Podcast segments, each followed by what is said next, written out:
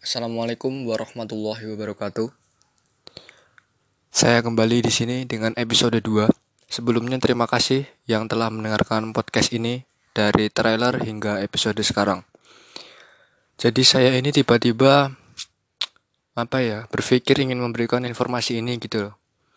Informasi yang akan saya kali ini adalah tentang pernikahan.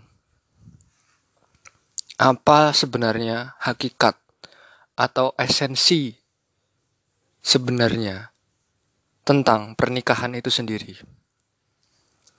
Kita ketahui bahwa definisi dari pernikahan yang sudah ada itu merupakan dua pasangan laki-laki dan perempuan yang disatukan melalui undang-undang negara dan undang-undang agama. Tapi apa sebenarnya hakikat esensi dari pernikahan tersebut? Apakah hanya sekedar penyatuan dua orang? Ataukah sekedar hanya ingin bersenang-senang? Ataukah sekedar hanya ingin cinta? Atau di situ ada unsur-unsur kompleks yang saling melengkapi yang kita tidak tahu apa yang ada di dalamnya. Banyak kita ketahui belakangan ini banyak pasangan suami istri yang bercerai. Tidak muda, tidak tua, mereka banyak yang bercerai. Bahkan pengadilan agama dan pengadilan negeri pun sangat-sangat banyak suami istri yang antri bercerai. Saya kemarin habis dari pengadilan soalnya. Jadi apa sebenarnya yang kita cari itu? Apa sebenarnya tujuan dari pernikahan? Kalau tujuan dari pernikahan hanya sekedar komitmen, komitmen itu hilang, pernikahan itu hilang. Kalau pernikahan itu sekedar hanya cinta, cinta itu hilang, pernikahan juga pun hilang. Kalau atas dasar senang, kesenangan itu hilang, pernikahan pun juga hilang. Jadi sebenarnya apa? Apa sebenarnya kita ini menikah itu untuk apa gitu loh. Jadi agar pernikahan berjalan hingga tua dan hingga ajal menjemput, sebaiknya kita renungi dan introspeksi diri ke dalam diri kita masing-masing. Apa sebenarnya yang ingin kita cari dari suatu pernikahan tersebut?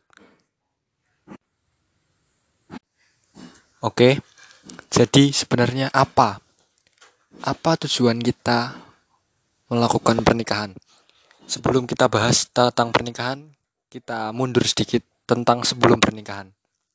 Oke.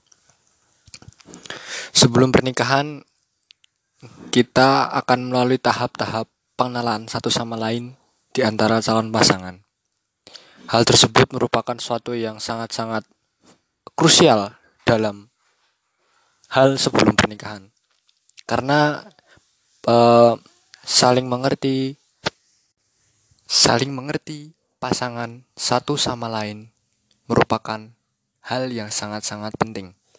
Tapi masalahnya, apabila kita belum menikah, banyak calon pasangan laki-laki maupun perempuan yang menutup-nutupi sifat aslinya. Sehingga sewaktu sudah menikah, mereka berubah 100% atau 180 derajat. Hal tersebut membuat kedua calon pasangan itu bingung dan memutuskan untuk bercerai kalau tidak kuat. Jadi begini, pada tahap pengenalan itu kita tidak bisa tahu 100% bagaimana calon pasangan kita aslinya.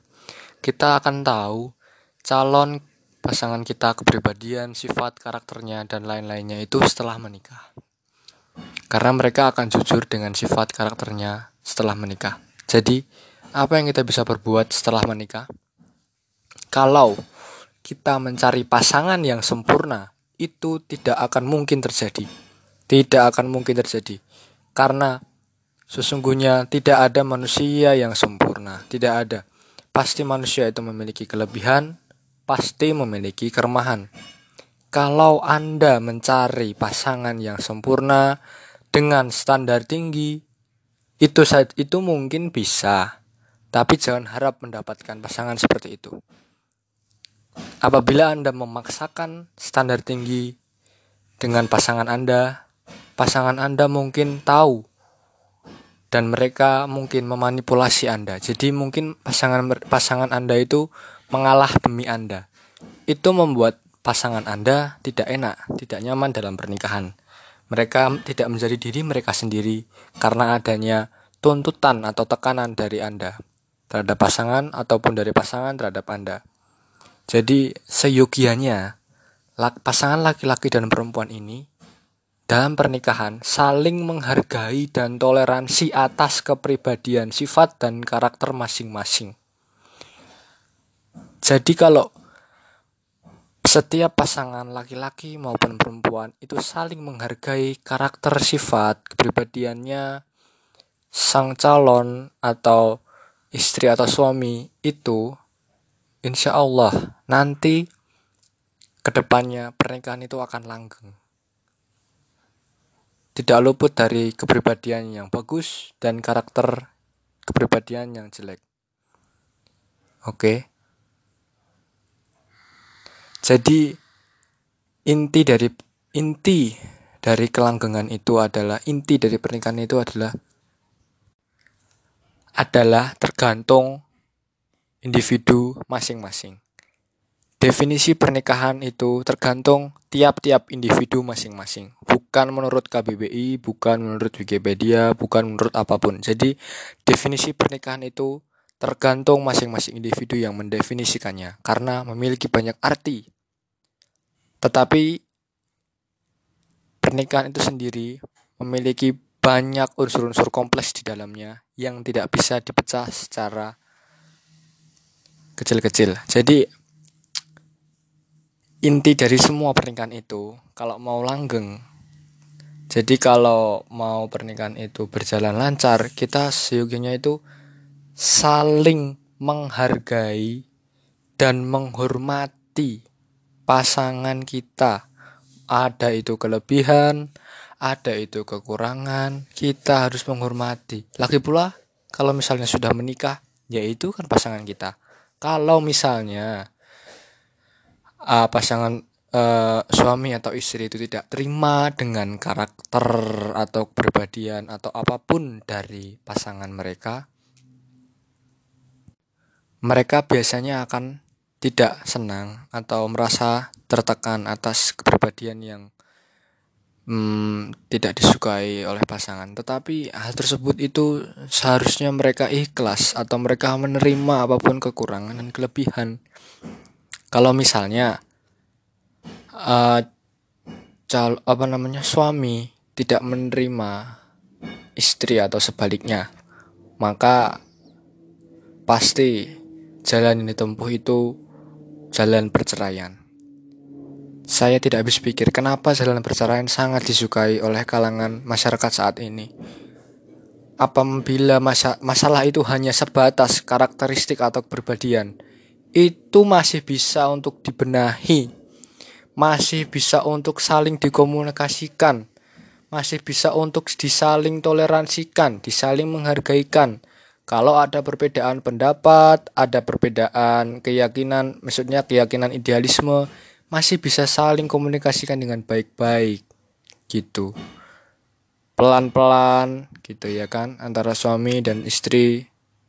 Memang ini perkara yang tidak gampang, ini perkara yang rumit. Tapi kalau pelan-pelan pasti ini bisa dilaksanakan. Ini pasti bisa dilaksanakan. Tetapi beda halnya kalau masalah tersebut sudah kategori berbahaya. Contohnya suami atau istri melakukan perselingkuhan. Nah, itu masih bisa mungkin lewat jalur perceraian kalau sudah tidak bisa dimusyawarahkan ya. Tapi kalau hanya masalahnya hanya perbedaan pendapat dan karakter uh, suami atau istri yang tidak disukai itu masih bisa kita toleransi atau kita terima karena memang itu adalah seni dari kehidupan itu sendiri. Kehidupan ini penuh dengan uh, apa ya namanya? Penuh dengan peristiwa-peristiwa yang kita sendiri tidak tahu tapi di situ mengandung makna dan hikmah. Apabila kita dapat mempelajarinya, itu pasti kita dapat pengalamannya. Jadi intinya kita harus menerima apa pun kelemahan dan kelebihan pasangan kita setelah itu menikah, setelah ijab kabul ya, setelah akad nikah kita wajib menerima kekurangan dan kelebihan pasangan kita. Apabila ada yang tidak berkenan di hati, kepribadian, sikap, karakter, dan lain-lain dari pasangan, bisa kita komunikasikan ke depannya. Itu. Tetapi apabila masalah itu bukan melalui sikap, bukan dari karakter sikap, melainkan dari perselingkuhan yang sudah besar itu, itu kan uh, sudah tinggi ya kategori masalahnya itu bisa dimusyawarahkan. Atau kalau nggak bisa dimusyawarahkan bisa melakukan perceraian. Itu boleh. Maksudnya bukan bolusnya itu tergantung kepada pasangan masing-masing. Tapi itu sudah kategori tingkat uh, berbahaya ya. Kalau masalah keberbadian karakter itu masih kita lah bisa toleransi lah. Masih kita bisa hmm, apa namanya um, apa namanya terima gitu loh. Karena itu sudah pilihan kita sebelum kita menikah kemarin gitu loh. Maka dari itu sebelum menikah kita harus apa ya namanya mengenali calon pasangan kita ini dengan baik. Jadi tidak asal milih gitu loh. Jadi bagaimana cara memilihnya? Sebelum melakukan pernikahan sebaiknya pilih calon pasangan Anda secara pelan-pelan dan jangan tergesa-gesa, karena itu merupakan tahap yang sangat krusial menuju jenjang pernikahan. Oke, pilih pasangan Anda, rasakan pasangan Anda, rasakan jiwa pasangan Anda, apakah sekiranya cocok dengan Anda. Bagaimana caranya? Yaitu rasakan dengan hati nurani Anda. Apakah pasangan ini cocok atau tidak dengan saya? Dan jangan lawan hati nurani Anda cocok atau tidak rasakan dengan jiwa Anda. Terus lihat kepribadiannya. Kira-kira bisa nggak hidup dengan kita dengan Anda secara bersama-sama dalam waktu yang lama? Pelan-pelan dan jangan tergesa-gesa.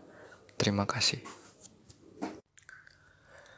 Jadi apabila kita sudah terlanjur menikah dan pasangan kita ini bukan pasangan yang kita harapkan atau berbeda dari sebelum kita menikah itu baik eh, sesudah menikah kok seperti ini tidak seperti yang kita harapkan.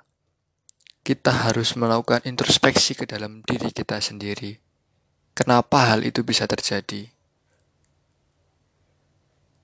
Oke kita harus berusaha memperbaiki memperbaiki apa yang tidak kita harapkan tersebut, bukan malah menghindari apa yang kita tidak harapkan dari pasangan kita. Memang di situlah seninya pernikahan. Bagaimana kita bisa menjalin toleransi dan menghargai satu sama lain, bukan hanya sekedar menyalahkan dan tidak melakukan introspeksi diri, seenaknya menyalahkan, tapi kita harus bisa menghargai, saling menghargai dan toleransi kita harus saling menerima apa pun kekurangan dan kelebihannya itulah intinya. Saya ulang-ulang dari tadi maaf. Ya jadi itu saja yang bisa saya sampaikan dalam episode 2 ini. Apabila ada kata-kata saya yang tidak berkenan atau guys mohon maaf karena juga saya ini hanya menyampaikan informasi yang tiba-tiba saja. Jadi ya maaf sebelumnya dan in, boleh Anda percayai, boleh tidak, itu terserah saudara karena ini adalah opsi. Oke, terima kasih. Wassalamualaikum warahmatullahi wabarakatuh.